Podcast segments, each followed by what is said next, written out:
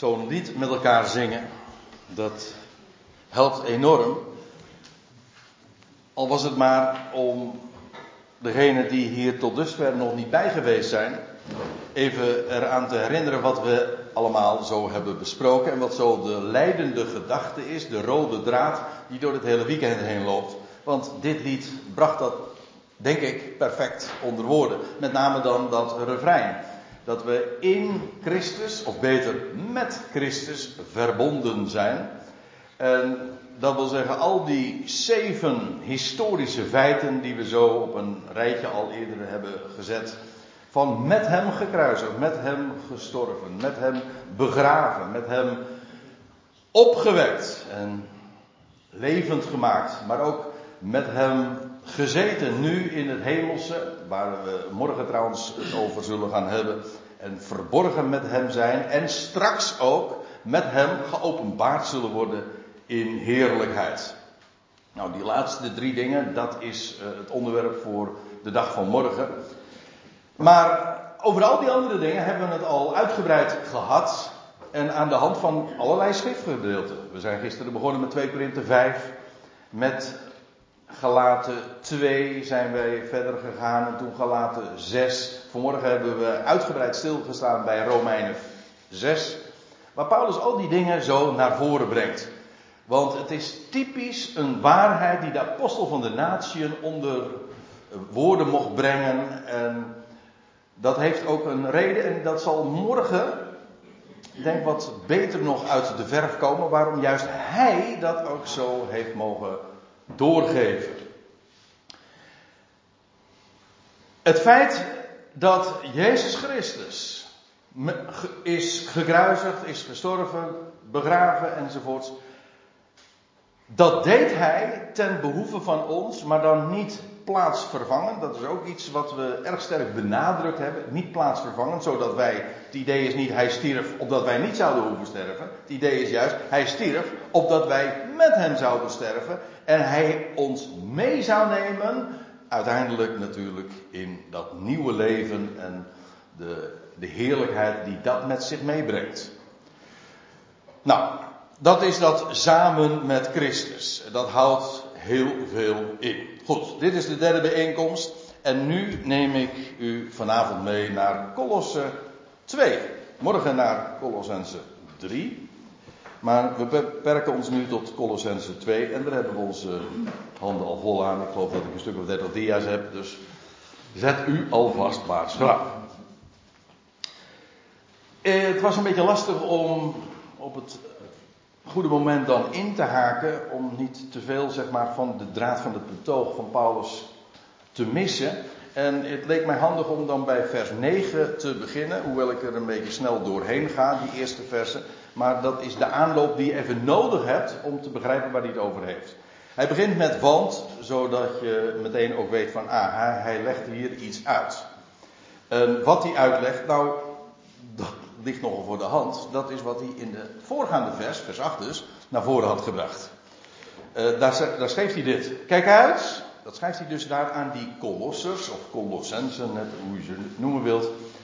Kijk uit dat niemand jullie als buit meevoeren door de filosofie en lege verleiding, ijdele verleiding, over overeenkomstig, daar moet nog iets gecorrigeerd worden, ziet u, uh, overeenkomstig de traditie van de mensen, overleveringen, overeenkomstig de elementen van de wereld, die zijn we ook al tegengekomen eerder.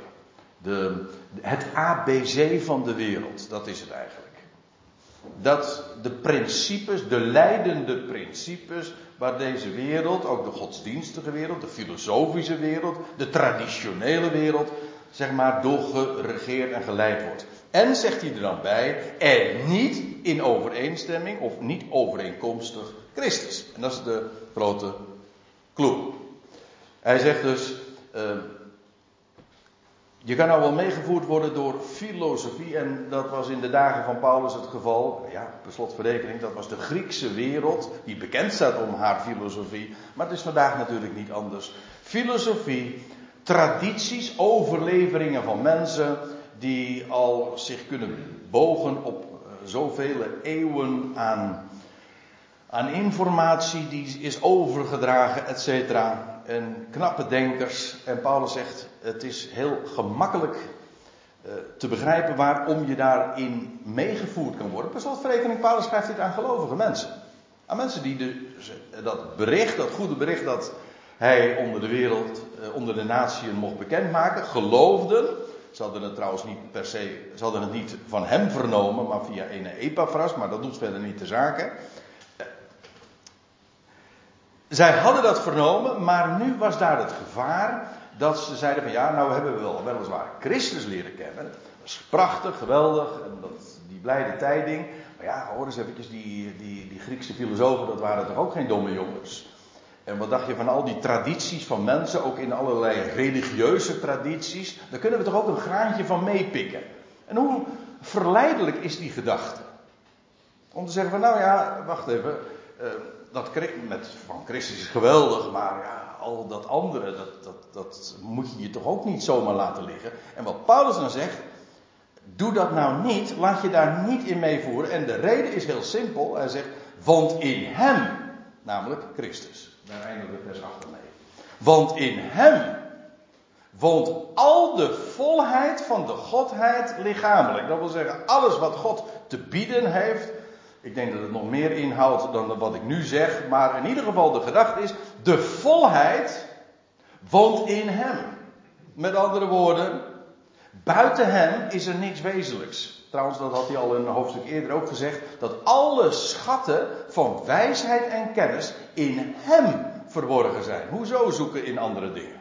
En hij zegt er ook bij, en jullie zijn compleet in hem. Zodat daarmee eigenlijk ook de gedachte is afgesneden van ja, dat je het ook elders wel zou moeten zoeken. Want ja, eh, daar is ook nog zoveel. Ja, maar het, dat vooronderstelt dat je nog niet genoeg hebt. Het hele punt is, hij, Christus, is, nou zeg ik een ouderwets woord, een archaïsch woord. U, u kent het woord nog, hè, van gisteren. Een, verouderd woord. Hij is, maar het drukt perfect denk uit waar het om gaat. Hij is al genoegzaam. Hij is genoegzaam, dat wil zeggen, in hem is genoeg. Het is zelfs meer dan genoeg en al genoeg. Dat wil zeggen, er is niets van wezenlijke waarde aan wijsheid en kennis buiten hem om. Dus al die ideeën van dat je dus ook je zou, zou moeten verdiepen, of dat dat heel nuttig zou zijn in de filosofieën die in deze wereld in tel zijn, dat is dus een drogreden. Paulus noemt het ook letterlijk een drogreden. Waardoor je heel gemakkelijk wordt meegevoerd en in de praktijk is dat je daarmee dus eigenlijk zegt: Christus is niet genoeg. En Paulus zegt: Hij is wel genoeg en bovendien, jullie zijn compleet in Hem. Die het hoofd is, bovendien van alle overheid en autoriteit. Dat is weliswaar verborgen, maar niettemin, daar is hij. Boven alles gezeten. Ik kom er straks nog even op terug. In hem werden jullie ook besneden in een besnijdenis. Ik zei al, die kolossers die waren uh, in het gevaar, of liepen het gevaar, dat ze meegenomen werden ook door Joodse riten. Het is niet helemaal te reconstrueren wat, wat dat voor stromingen geweest zijn, maar dat doet eigenlijk ook niet te zaken. In ieder geval rituelen, ook de besnijdenis, werd gepromoot. Want ja, per slotverrekening, de argumentatie is heel gemakkelijk te bedenken zelfs. Zelfs als het niet gegeven zou worden, kun je het bedenken.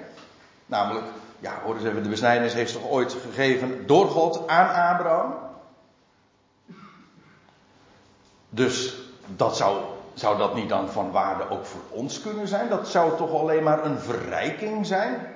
Hoort u het? De, de, de, hoe, hoe gemakkelijk en hoe logisch zelfs ook zo'n gedachtegang klinkt.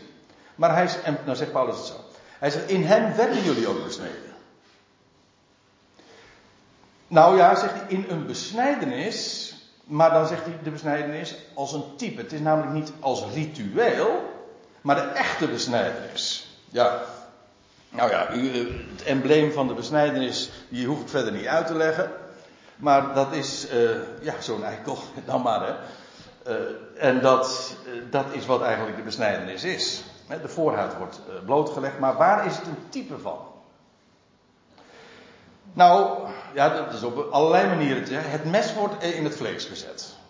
Niet zomaar vlees, maar in het vlees gezet. Als ik het zo zeg, dan denk ik dat het meteen ook duidelijk is. Het vlees als aanduiding van de mens in zijn uiterlijke verschijning. Wel, daar wordt eigenlijk een streep door gehaald of het mes ingezet, nog sterker. Uh, het is ook een embleem trouwens van vruchtbaarheid. Dat is niet zo gek. Abraham, die een verstorvene was, aan hem wordt dan op hoge leeftijd uh, de belofte nog eens gegeven van dat via hem alle volkeren van de aarde gezegend zouden worden en dat zijn nageslacht talrijk zou zijn. Een verstorvene. God zou leven voortbrengen uit zo'n verstorven man en vrouw. Leven uit de dood. Dat is een embleem van vruchtbaarheid. Dat is ook wat de besnijdenis is. Leven uit de dood. En dan wil ik er ook nog even aan herinneren, maar dat. Terwijl ik het doe, realiseer ik me dat dat, dat misschien meer vragen op kan roepen dan antwoorden. Maar eh, ik wil toch even gezegd hebben. Bij andere gelegenheden heb ik wel eens uitgelegd dat de Heer Jezus in, met, gedurende de tijd van Pesach is geboren. Een aantal dagen daarvoor, op de 10e Nisan. En hij werd besneden op de 17e Nisan.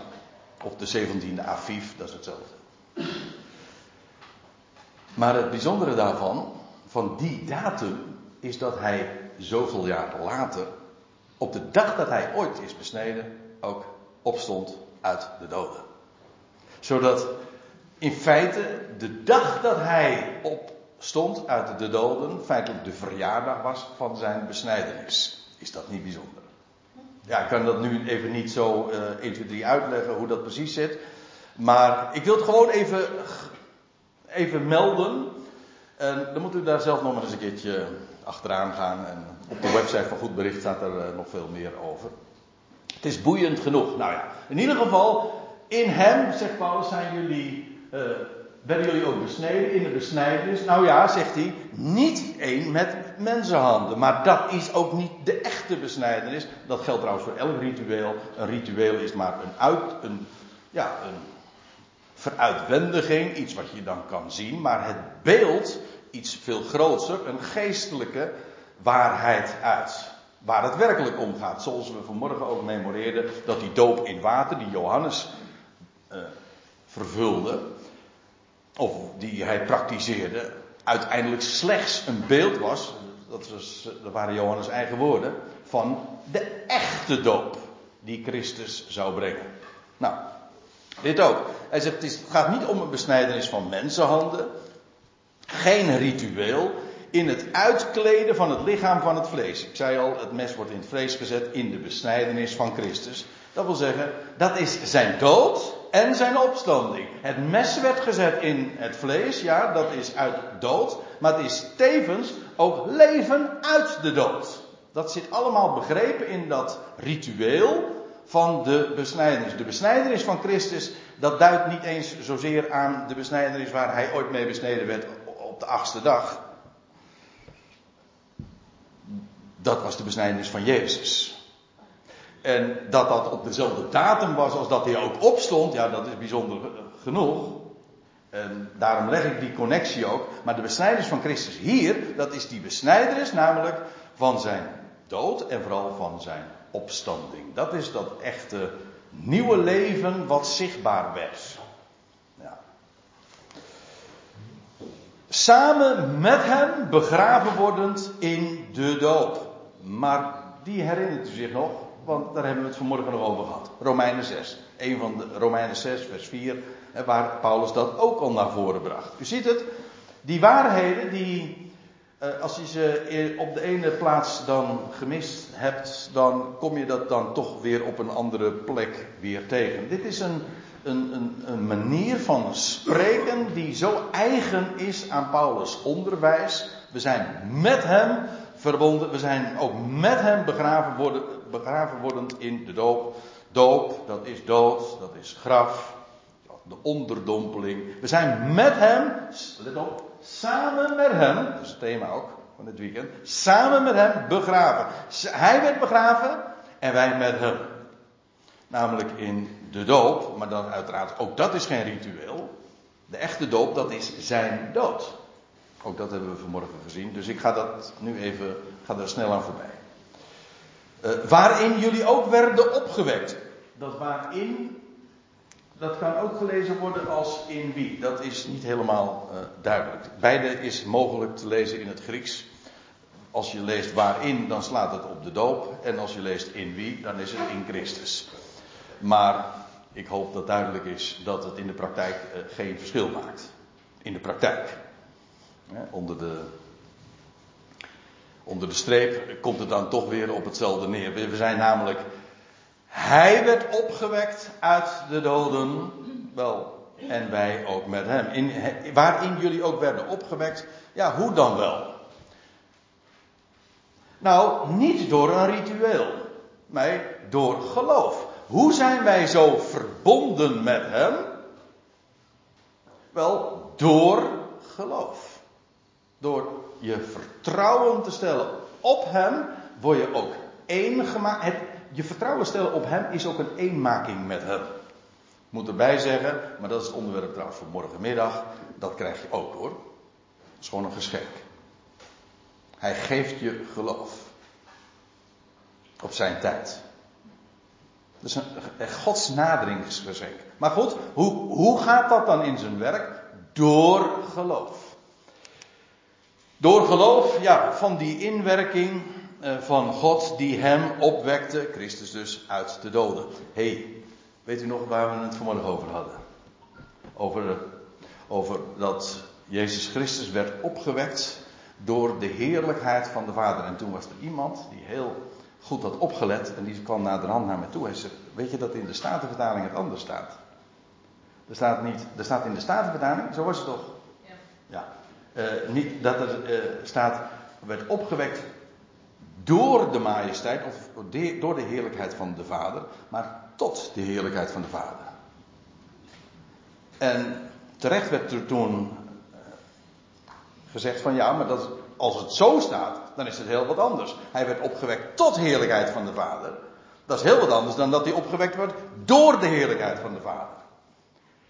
En als dat laatste het geval, nee, als dat uh, het geval zou zijn zoals de Statenvertaling het weergeeft, ja, dan was mijn stelling uh, viel in duigen. Nou, we hebben het nagekeken en er staat echt het Griekse woord dia, door de heerlijkheid van de Vader. Dus het kan niet missen. En als het trouwens daar zou missen, dan zie je het hier ook nog eens.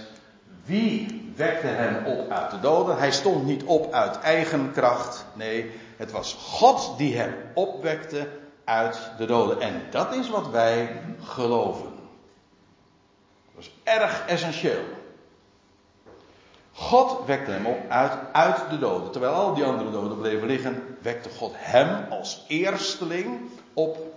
Ook jullie, doden zijnde voor de misstappen, voor de zonden, ja, of overtredingen, maar eigenlijk de misstappen. Dat doden zijnde, dat begrijpen we nu inmiddels, hè? Dat is uh, bekende kost inmiddels. In die zin dat wij zijn met hem verbonden en dus wij zijn doden. Uh, we zijn, hij stierf en wij stierven met hem. In die zin zijn wij dus doden. Ja, voor de zonden, voor de zonde, uh, voor de misstappen en bovendien voor, en de voorhuid van jullie vlees. Ja, dit is wel echt een beetje technisch, maar de voorhuid van jullie vlees, dat betekent, dat is gewoon een aanduiding voor de onbesnedenheid. Als je de MBG-vertaling hebt, dan zie je dat ook staan. De onbesnedenheid naar het vlees. En u moet uh, zich realiseren dat de kolossers qua afkomst gewoon natieën waren. Zo spreekt hij hen ook aan. Dat wil zeggen, ze stonden gewoon buiten. Ze hoorden niet bij het volk van Israël en ze waren buitenstaanders. Uh, ze waren vreemdelingen van de verbonden, et cetera. Ze hadden dus eigenlijk niks te maken met die unieke relatie die God had met het volk. Paulus zegt allemaal tot je dienst. Dat was dan inderdaad de situatie. Jullie, waren doden, jullie zijn doden voor de zonde. Jullie waren doden ook voor de voorhuid van jullie vlees. Jullie stonden buiten. Maar hij maakt, hij, God, maakt samen met hem, uh, maakt hij samen met hem levend, genade bewijzend aan ons met alle misstappen. Dat wil zeggen, hij, God is het die Christus levend maakt. Of levend maakt het, staat hier in, de, tijdloze vorm weer. Dat is een tijdloos feit. Hij maakt hem levend en samen met hem maakt hij ons ook levend. Dat is de, de clue. Christus stierf voor ons, om ons mee te nemen en dus zijn wij ook door geloof met hem verbonden in dat nieuwe leven en wandelen wij zo. Zo ziet God ons. Dat is eigenlijk het punt. Zo ziet God ons. Of we dat voelen, doet niet ter zake. Of we dat zo beleven, doet feitelijk ook niet ter zake. Maar dat is wat het is. Zo ziet God ons, zoals we zojuist trouwens in het eerste lied ook zongen.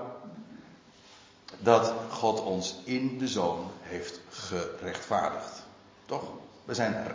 Hij is rechtvaardig en in hem zijn wij ook rechtvaardig, volmaakt, geen zondaren meer. Ja, wat wil je nog meer? Dus dat betekent dat hier allemaal van die volmaakte mensen zitten. Hm? En zo kijken we ook naar elkaar. Zo kennen wij dan niet van nu aan, dat was Romeinen, nee 2 Korinthe 5, van nu aan niemand meer naar het vlees. Maar als een nieuwe schepping. Nee, dat is de nieuwe identiteit die we hebben verkregen. Ik moet er trouwens bij zeggen, maar dat had u wel in de gaten, eh, die Colossensebrief is een, ja, gaat in op een bepaalde ontwikkelingen die daar in die Ecclesia van Colosse speelden. En soms, en met name dat tweede hoofdstuk, daar zijn bepaalde passages, en die hebben we juist vanavond ook zo te pakken. Uh, soms uh, wat moeilijk, die moet je echt een paar keer lezen hoor. Dat geldt voor deze versen ook. Dan moet je ook begrijpen waar het over gaat. En ik excuseer me maar even dat ik bepaalde dingen nu eenmaal niet te uitgebreid kan bespreken. Maar er wordt hier dan nog iets gezegd. Dat hij, ehm, God bewijst genade, on, aan ons met alle misstappen. Dat wil zeggen, alle misstappen rekent hij niet toe. Hij bewijst genade. Hij geeft ons vreugde om niet. Um, en bovendien dan ook uitwissend het handschrift tegen ons. Dat handschrift, dat is een, uh, ja, dat is uiteraard, Paulus schrijft daar een Grieks woord. En het idee is, ja inderdaad, letterlijk betekent dat ook een, een uh, dat gairografon, dat is een, een, een hand, letterlijk een handschrift. Maar het idee is, het is een schuldbekentenis. Als iemand een schuld had, en dat ook bekende, dan schreef hij dat op. Dat was een handschrift. Wel, uh, en dat idee is hier ook het geval. Die schuldbekentenis, dat is die, dat handschrift dat tegen ons getuigde. Uh, ja, dat tegen ons was. Dat is de wet. En het idee is daarbij dat, hoezo is dat handschrift de wet? En daar, dat bedoelde ik net ook van, ja, dat is een beetje misschien lastig voor ons om dat zo even 1, 2, 3 op te pakken. Terwijl we hier in maart 2019 dan zitten en je leest een brief van pakweg 19,5 eeuw geleden. Het handschrift, dat is die wet. Waarom? Kijk, Israël had ooit die wet gekregen. Maar toen had ze zich ook verplicht die wet na te komen. Alles wat de Heer gebiedt, dat zullen wij doen, hadden ze gezegd. Een paar keer zelfs. Met andere woorden, daarmee had men eigenlijk ook een, eh, een bekentenis gedaan. Maar ja, dat betekent ook dat dat een handschrift was dat tegen hem pleitte en getuigde. Wel, Paulus, wat Paulus hier zegt, die wet, eh, ja, met de officiële besluiten, en dat verwijst weer naar de besluiten die ooit in Jeruzalem waren genomen. Waarin ook nog steeds dat verschil gemaakt werd tussen Israël en de natie. Ik ga er even aan voorbij. Dat die wet, zegt Paulus, ja, dat was tegen ons. In ieder geval tegen Israël. Israël had zich verplicht om de wet te houden. Heeft ze dat niet gedaan. Ja, maar daarmee was die wet een handschrift dat eigenlijk tegen ons was. Het pleitte tegen ons. Wij hadden ons verplicht eraan te houden en, en we hebben het niet gedaan. En daarmee werd die wet een vloek. Wel, zegt Paulus, dat is uitgewist. Dat verhaal, ik kan dat in detail gaan vertellen. Dat wil ik nu niet even doen. Maar ik wil wel gezegd hebben. Als God een norm stelt. En een mens die verplicht zich daaraan te, zich daaraan te houden. Ja, hoe zeggen we dat? Belofte maakt schuld. En op het moment dat je zegt dat je iets doet, een gelofte doet, ja, dan, dan, dan word je daar ook aan gehouden. Maar dan pleit dat tegen Wel, die wet was een handschrift en Paulus zegt, dat is uitgewist. Uh, dat heeft hij uit het midden weggenomen, vastnagelend aan het kruis. Kijk, en nou zijn we er weer. We zijn gestorven en daarmee is alles wat ook tegen ons was, is ten einde. Wij zijn gestorven. Dat is vastgenageld aan het kruis. Uh, die ego, uh, die, die, die, dat ik. En alles wat er aan mij kleefde, of alles wat mij te verwijten viel. Ook die wet, dat handschrift. Alles, ik ben gestorven. Gekruisigd. Gekruisigd en gestorven en begraven. Dat ligt achter mij. Dat is het idee. En, het is, en dat alles wat te verwijten viel, dat handschrift, dat is vastgenageld aan het kruis. Dat is het kruis en dan staat er in vers 15. Hij, die, dat is Christus, hij kleedt de overheden en de autoriteiten uit. Hij heeft ze ont, ja, hij kleedt ze uit in de zin ook van ontwapend. Zoals je een soldaat uitkleedt en daarmee ook ontwapend. Hij kleedt de overheden en de autoriteiten uit en hij stelt hen in vrijmoedigheid tentoon en daarin ook over hen triomferend. Uh, weet u waar het over gaat? Wat, wat is die triomf? In het voorgaande vers was het over dat, aan, dat, dat handschrift, dat is vastgenageld aan het kruis. Alles wat tegen ons zou kunnen zijn, dat is ten einde, dat is over, dat is aan het, dat is aan het kruis vastgenageld. En nu vervolgens is daar die triomf. En dat heeft alles maar te maken met die weggewentelde steen. Wat zeg ik? Met de verzegelde steen. Als ik het zo zeg, dan begrijp je het meteen ook. Dan wordt het ineens ook heel concreet. Want wat was die, die steen? Die grote steen voor dat graf, die was verzegeld. Verzegeld door wie? Door de overheden en de autoriteiten. Jazeker. Ja, je zou kunnen zeggen de religieuze overheden, het Sanhedrin, dat op hun aanraden was het allemaal zo gebeurd. Romeinse wacht. Maar dat zegel, dat was het zegel van de Romeinse overheid. Vergis je niet. De keizer. En wat gebeurde er? Op de derde dag.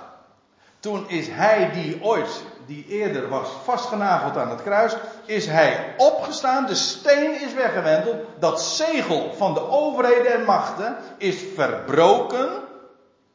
En daarmee zette hij de overheden gewoon openlijk te kijk. En het, het eh, idee was bij zo'n zegel dat als dat verbroken zou worden, degene die dat zou doen, die was desdoods schuldig. En wat, wat er in werkelijkheid gebeurde, degene die dat zegel verbrak, die overwon op dat moment. Daardoor juist de dood. Nou, dan zet je die overheden inderdaad te kijken. En dat heeft hij gedaan. Hij kleedt de overheden en de autoriteiten uit. Hij is ontwapend. Hij stelt in, hen in vrijmoedigheid tentoon. Hij is, hij is trouwens wel in de verborgenheid gegaan, want het graf is leeg. Maar hem hebben ze niet meer gezien. Ik bedoel de overheden en de machten. Hij is daarna nog een honderden mensen verschenen. Maar niet aan hem. Had hij trouwens ook gezegd. De wereld zou hem niet meer zien. Maar jullie zullen mij wel zien. En dat wordt dus heel concreet in dit vijftiende vers. We gaan verder. Laat dan niemand jullie oordelen in eten en drinken, of op een stuk van een feestdag, nieuwe maan of sabbatten. En dan wordt het ineens weer heel erg concreet. Dat, die voorgaande versen, dat was uitleg en oké, daar moet je eventjes heel goed bij zijn wat Paulus precies bedoelde. Maar hier wordt het opnieuw weer heel duidelijk. Uh, dat kruis dat maakte een einde aan alles wat ons te verwijten viel. Maar ook vervolgens, hij heeft de overheden ontwapend. Ook dat is helder, dus duidelijk. Dat is die weggewentelde steen. Nou, in hem zijn wij betrokken in die triomf. Wij zijn met hem levend gemaakt. Dus die wet, die daar was, dat is voor ons geen. Dat, dat handschrift dat tegen getuigde, dat tegen was. Wel, dat is ten einde. En daarom zegt Paulus: laat dan niemand jullie oordelen in eten en drinken of het stuk van de feestdag, nieuwe maan of sabbat. Kijk, dan begrijp je ook trouwens meteen waar, waar hij het een paar versen eerder over had, over, die, over dat laten meeslepen door filosofie en door tradities van mensen. In ieder geval heeft dat te maken met de, de aanbeveling of een leer waarbij je zei van ja, ook die rituelen van, van eten en drinken, maar ook van het onderhouden van een stuk van, een, van de feestdagen of van de hoogtijden, van de nieuwe maan of van de sabbatten. Dat zijn allemaal van die Joodse elementen, van die ideeën uit, van, uit het Judaïsme, uit het Jodendom.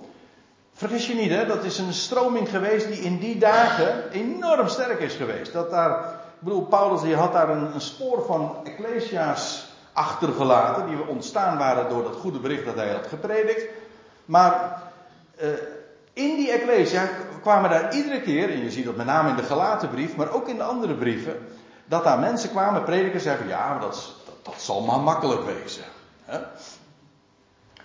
En jullie hebben nu die genade, maar nu ook die wet. Want dan word je alleen maar completer en rijker van en zo. Nou, en, maar het, het eind van het liedje is dat, je, dat men elkaar dan ging beoordelen. Ja, op, uh, nou ja, zoals hier staat, op eten, drinken, hoogtijden, nieuwmaan, sabbatten. En hij kan nog even verder gaan. Dat is allemaal judaïseren. En later kreeg je daar nog weer een variant op. En dat is christianiseren.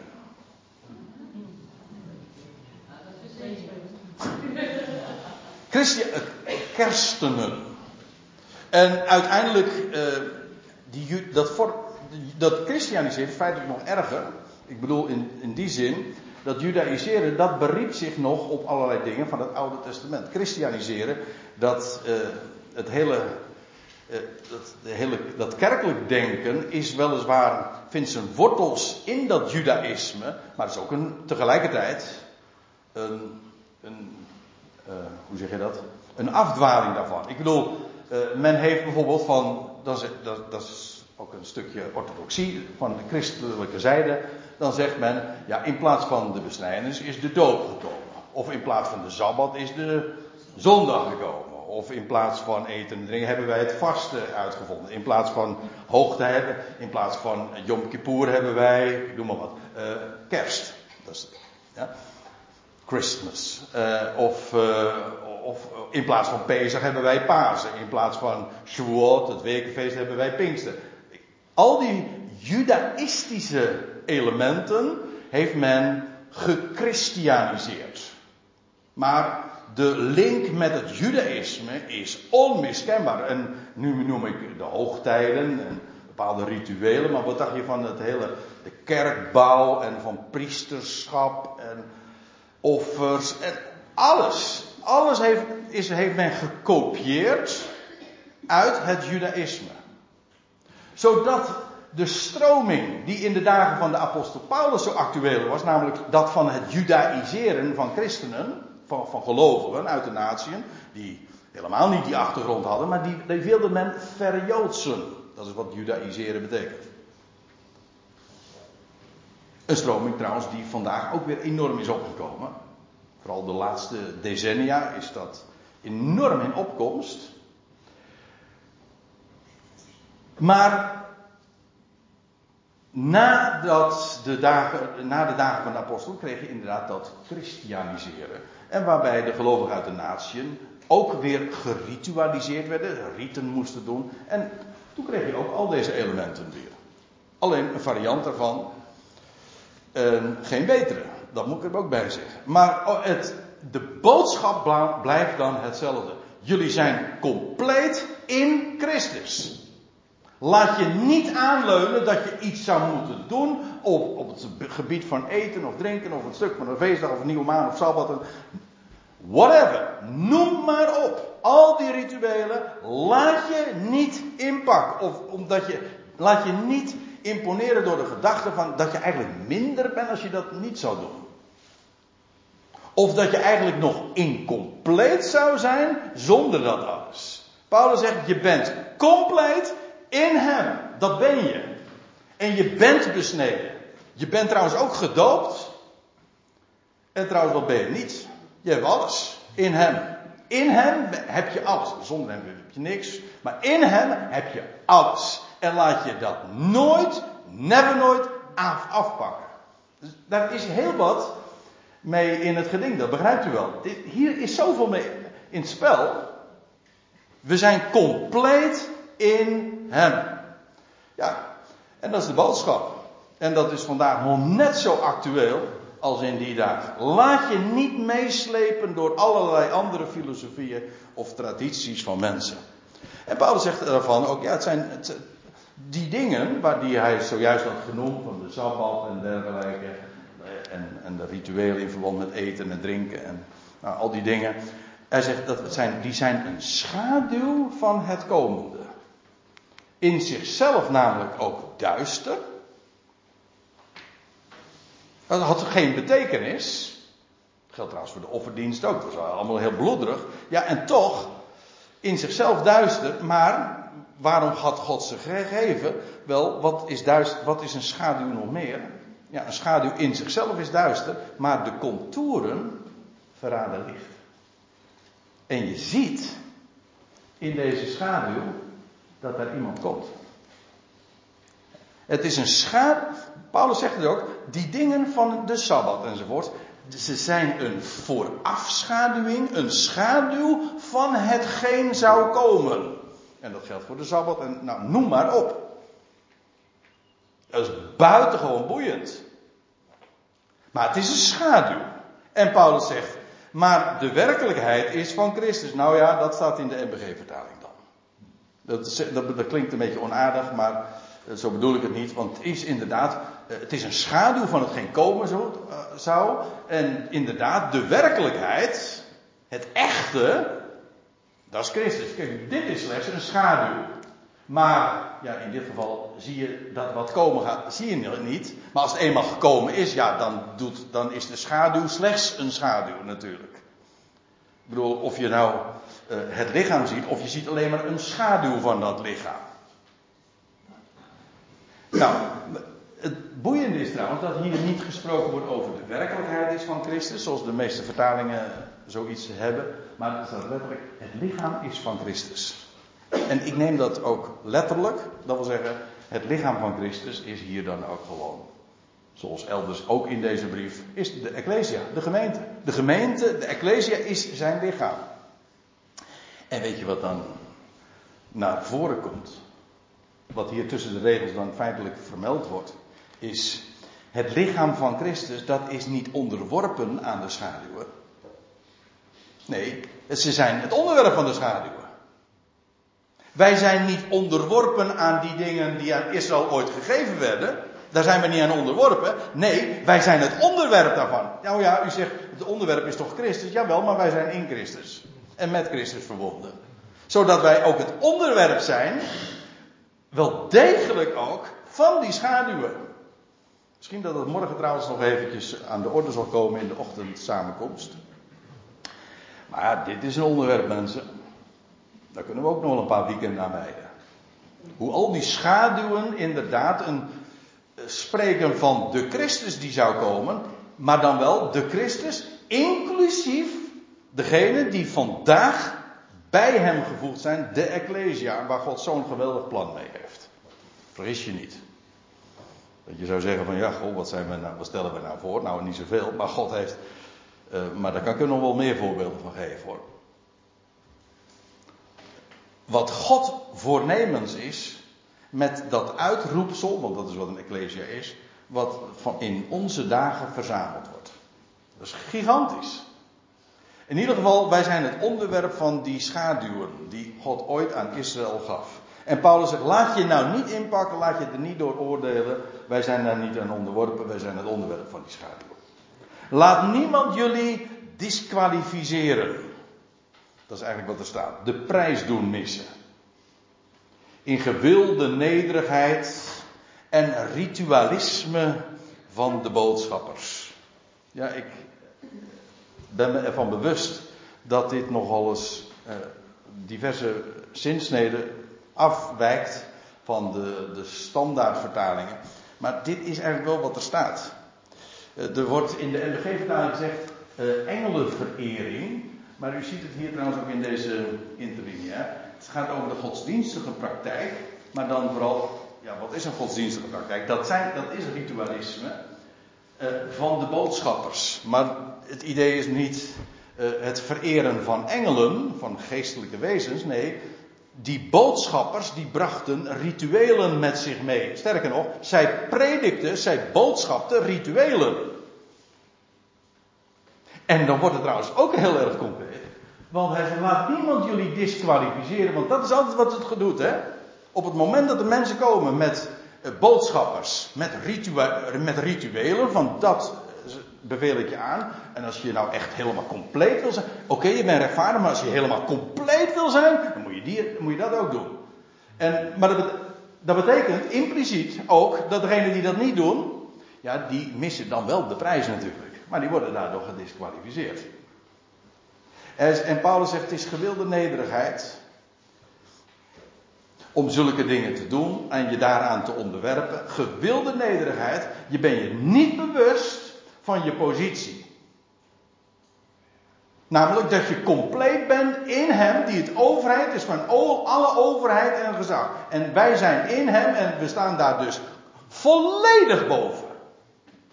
Laat je niet inpakken door dat soort boodschappers en uh, ritualisme van de boodschappers. Ja. En die boodschappers, dat zijn dus zij die hun toehoorders willen ritualiseren. U hebt nou verschillende van die termen nou vanmiddag of vanavond gehoord. Judaïseren betekent verjoodsen. Christianiseren, dat wil zeggen kerstenen. Christelijke gebruiken, zeg maar, introduceren en je daarin meenemen. Want ja, als je dat niet doet, dat soort. Als je niet gekersten bent en je niet houdt aan, aan al dat soort christelijke gebruiken, dan ben je geen christen. Nou, of je uh, ritualiseren, dat wil zeggen rituelen uh, opleggen en je laten ondergaan, maar daardoor word je geritualiseerd. En rituelen zijn erg interessant. Voordat we deze samenkomst uh, begonnen, toen hadden we het er nog eventjes over. Over, over, over ja, dan, toen ging het over een, een kerkdienst. En dat je dan een, een paar uur in, in zo'n zo'n kerkdienst bent en dan, ja, dan zie je uh, liturgische praktijken. Je ziet toga's met allerlei kleuren. En uh, er valt een heleboel te zien. Hè? En dan uh, een mooie doopjurk en, en, en dooppraktijken en mooie gebrandschilderde ramen. Nou, allemaal, al, er valt zoveel te zien. En feit, dat is veel interessanter dan, dan zo'n clubje als dit toch. Hè? Wat valt er hier nou te zien? Nou, u zegt een PowerPoint. Ja, oké. Maar dat is ook alleen maar tekst. En dat is, maar dat is nu juist wel heel kenmerkend. Er valt vandaag niks te zien. Dat zullen we trouwens morgen ook nog weer hebben. Alles is verborgen. Er valt wel wat te horen, dat wel. Maar alles wat van belang is, is niet te zien. En Christus is trouwens ook niet te zien, hij is daar verborgen. En ik moet er altijd aan denken, dan heb je zo'n prachtig beeld in het oude. Dan lees je ook over die hoge priester die dan in het heiligdom is. En je zag hem dan natuurlijk niet. Israël die, uh, die zag die hoge priester niet als die in het heiligdom was. Maar ze hoorden hem wel. Want hij had namelijk, ja, had aan, aan de zoom van zijn kleed had hij uh, amandelvruchten, ja. Maar dat niet alleen. Nee, sorry, granaatappelen waren dat. Maar, en ook belletjes belletjes. Dus die hoogpriester, die zag je niet, maar je hoorde hem wel. Hij deed van zich horen. Nou, dat is precies eigenlijk de positie van Christus vandaag. Hij is in het heiligdom, in de hemel, verborgen achter het voorhangsel, dat is waar. Trouwens, wij met hem. Maar hij laat wel van zich horen. Ja, en daarmee moeten we het doen. Het is alles verborgen. En maar de verleiding van dat ritualisme is daarom ook wel heel begrijpelijk. Want ja, daar valt wat te zien. En vaak ook wat te voelen. Want dat heeft, het heeft allemaal te maken met het, het appelleren op de, de zintuigen. En daarmee ook op de, de gewaarwordingen, de gevoelens. En dat is eigenlijk ook heel ziels. Ik bedoel dat niet eens minderwaardig, maar het is ziels. Terwijl het om geestelijke dingen gaat en de dingen om te onderscheiden.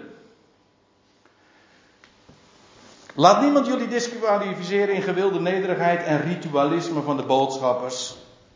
In welke dingen hij intredend zogenaamd heeft gezien, terwijl hij opgeblazen wordt door het denken van zijn vlees. Ja, Paulus had uh, daar niet al te veel uh, respect voor hoor. U hoort het en leest het ook wel. Daar, hij spreekt daar niet erg. Uh, hij spreekt daar nou niet echt zo over van dat hij daar zijn petje voor afnam. Integendeel, hij zegt het lijkt wel heel veel, maar het is gewilde nederigheid en in werkelijkheid zijn ze gewoon opgeblazen in denken van vlees.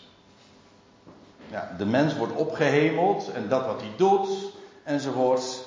Ja, maar in de praktijk betekent dat dus waar het werkelijk om gaat, wordt vernederd. Want je bent dan niet meer compleet in hem. En staat er dan nog bij, uh, in welke dingen hij uh,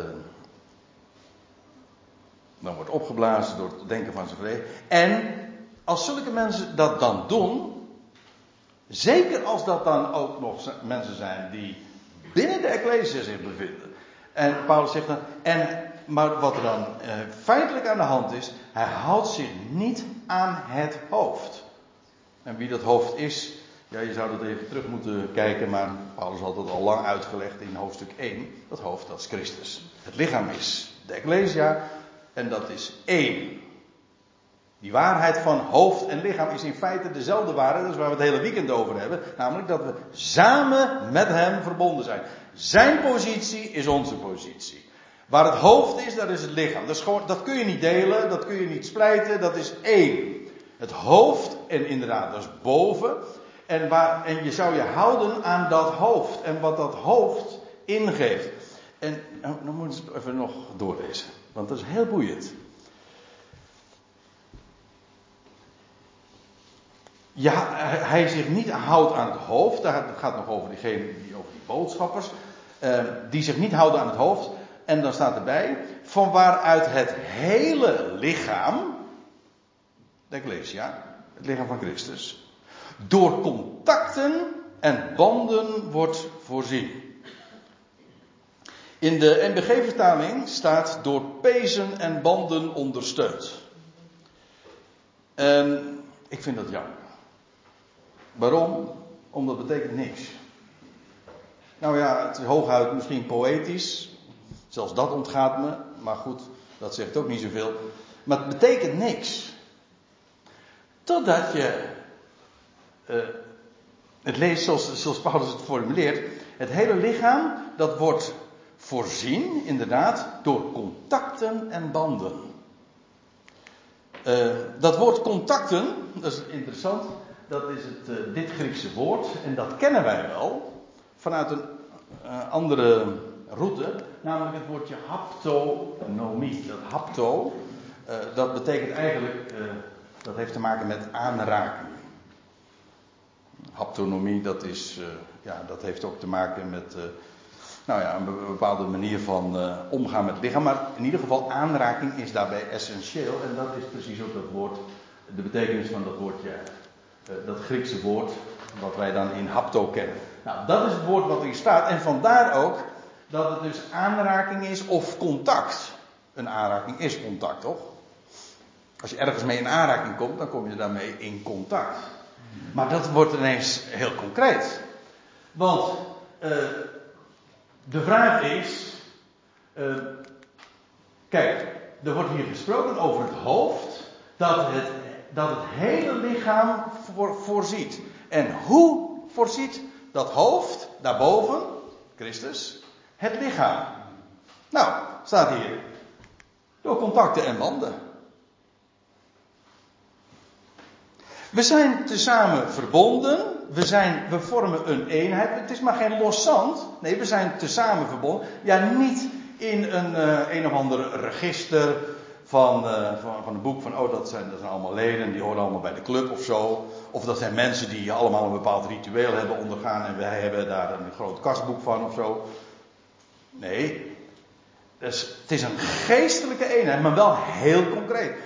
Dat hoofd is boven en wij vormen een eenheid. We zijn gesmeed tot een eenheid. En hij zorgt voor dat lichaam. En hoe doet hij dat? Hij voorziet het hele lichaam. En dat doet hij, ja, natuurlijk door het voedsel te geven. Feitelijk, dat is ook wat het hoofd toch doet. Het hoofd, gewoon, ik bedoel, dit hoofd en uw hoofd. Wat doet het, wat doet het hoofd? Ja, dat bestuurt het hele lichaam. Maar zorgt er ook voor dat, dat alles in dat lichaam, zeg maar, uh, ja, dat geregeld wordt. Ik bedoel, uh, die lichaamsdelen uh, hoeven dat niet zelf te regelen. Nee, dat wordt allemaal centraal geregeld. Zie je hoe mooi dat allemaal geregeld is in de Ecclesia? Maar je moet wel weten wie het hoofd is natuurlijk. Nee, dat is niet de paus in Rome. En trouwens ook, en dat is ook niet een synode. Het hoofd, dat is daarboven, dat is Christus. En de leden van het lichaam, ja, dat zijn, de geloof, dat zijn zij die geloven. En die vormen een geestelijke eenheid. Zijn samen gedoopt tot in één lichaam, staat er ook. En ze vormen een eenheid en zij worden ook voorzien. Van voedsel en alles wat ze nodig hebben. Daar, lopen lijnen en dan staat hierbij. En hoe voorziet hij dat hele lichaam? Wel door contacten en banden. Dat is toch mooi? Hoe, hoe, hoe worden we nou voorzien? Nou, gewoon doordat wij contact hebben met elkaar. En dat we met elkaar dingen delen en doorgeven ook weer. En dat we een band ook met elkaar hebben. Daarom komen, dat is in feite ook de reden waarom we bij elkaar komen. In welke setting dan ook. Die gelovigen zoeken elkaar op. Waarom? Ze horen bij elkaar. Ze vormen een eenheid. En als ze trouwens bij elkaar zijn, dan heet dat per definitie, al zijn het er maar twee of drie, dan heet dat een ecclesia. En zo voorziet de Christus, het hoofd, gewoon dat hele lichaam. Mensen hebben contacten met elkaar. En geven elkaar dat woord ook door. In feite, mensen zeggen wel eens een keertje van ja, goh, weet je, dat heb je tegenwoordig met internet. Heb je ook contact, hè, trouwens. Uh, ja, dan heb je ook een, een netwerk. Dat is waar. En, en dan zeggen ze wel, zeggen mensen van ja, weet je, je, je kan gewoon nog studies online luisteren en zo. Dat is waar. Dat is gewoon. Dat is trouwens een geweldig voorrecht, hè, wat we vandaag kunnen. Ik bedoel, zonder ergens fysiek te zijn, dat je gewoon toch contact kan hebben. En toch de wezenlijke waarde, ik hoor het zo vaak mensen zeggen, en trouwens ik beleef het zelf ook. Uh, de wezenlijke waarde van, van bij elkaar komen, in welke verband of welke setting dan ook, is uh, niet eens zozeer, ja dat klinkt wel, misschien wel disqualificerend voor mezelf, maar het is niet zozeer dat je dan het woord doorgeeft, want ja, daar kun je van zeggen, dat kan ik ook via een mp3'tje of in de auto of via het internet doen. Ja, maar dat is, het, het is juist de ontmoeting.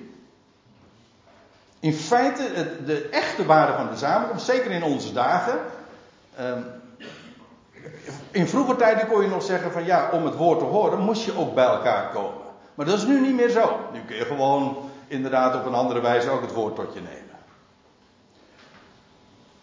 Ja, maar je hebt niet, zoals mijn tante dat noemde, de, de meet en greet. Eigenlijk is dat wat de samenkomst doet, hè? de meet and greet. Ja. De ontmoeting met elkaar. En het ook groeten met elkaar. Het gewoon een hart onder de riem steken van elkaar. Ja, het duurde eventjes, maar.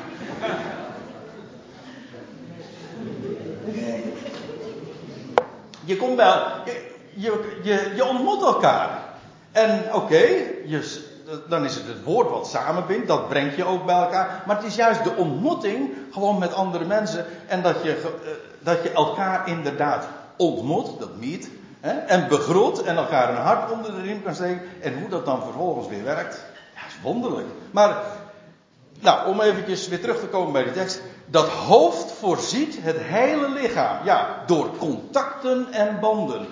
En dat is van belang. En als je trouwens die contacten en banden eh, loslaat, ja, dan, dan, ga je de connectie met dat lichaam missen. En trouwens, dan, missen ze, dan gaan ze jouw bijdrage ook weer missen. Toch? Ja, dat, is, dat werkt naar twee kanten. Contact is tussen twee. En jij geeft wat aan die ander en de ander geeft wat aan jou. Ja, dat is zoals eenheid en liefde werkt. Je, je zoekt elkaar op, dat is het. Het hele lichaam wordt door contacten en banden voorzien. Ja, voorzien van wat?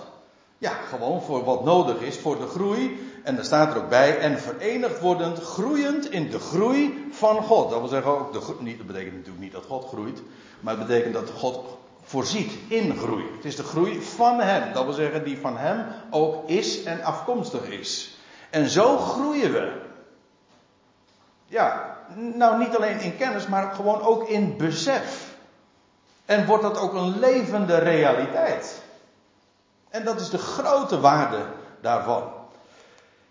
Nou, zegt Paulus er nog bij, eh, vers 20. Indien jullie samen, samen met Christus, heb je weer het thema.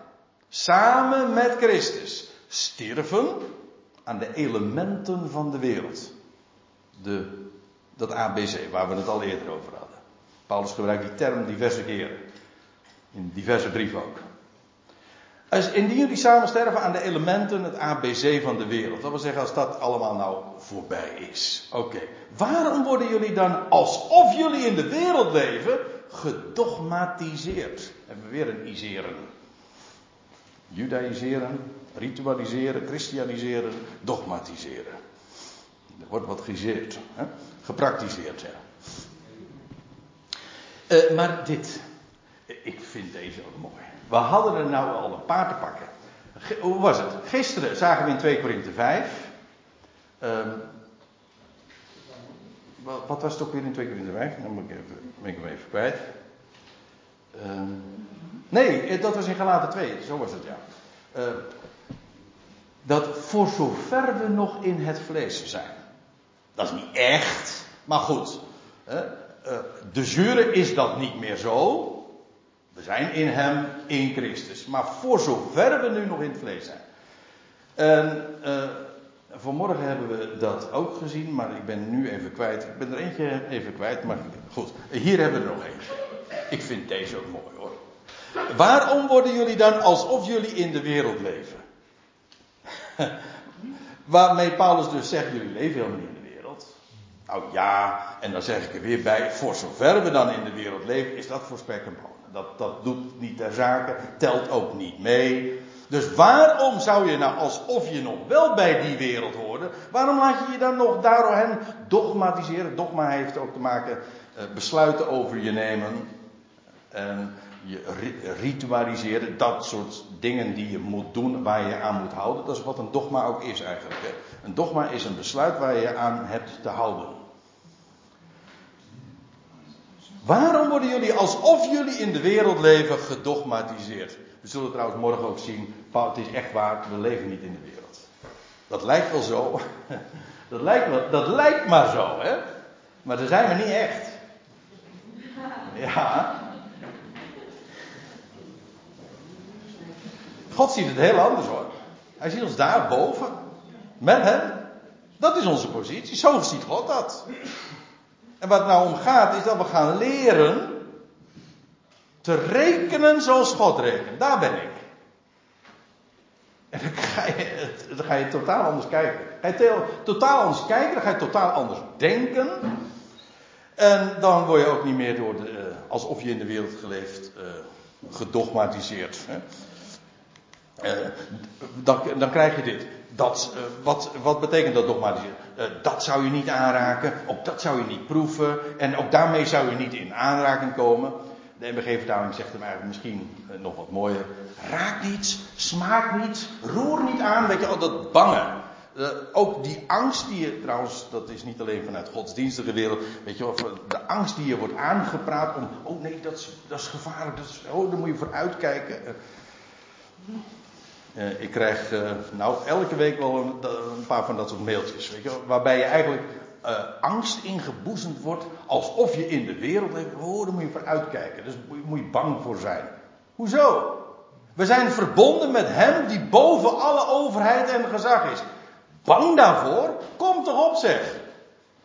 Wat is dat belachelijk? Ja, als je er, als je er even goed over nadenkt, is het belachelijk.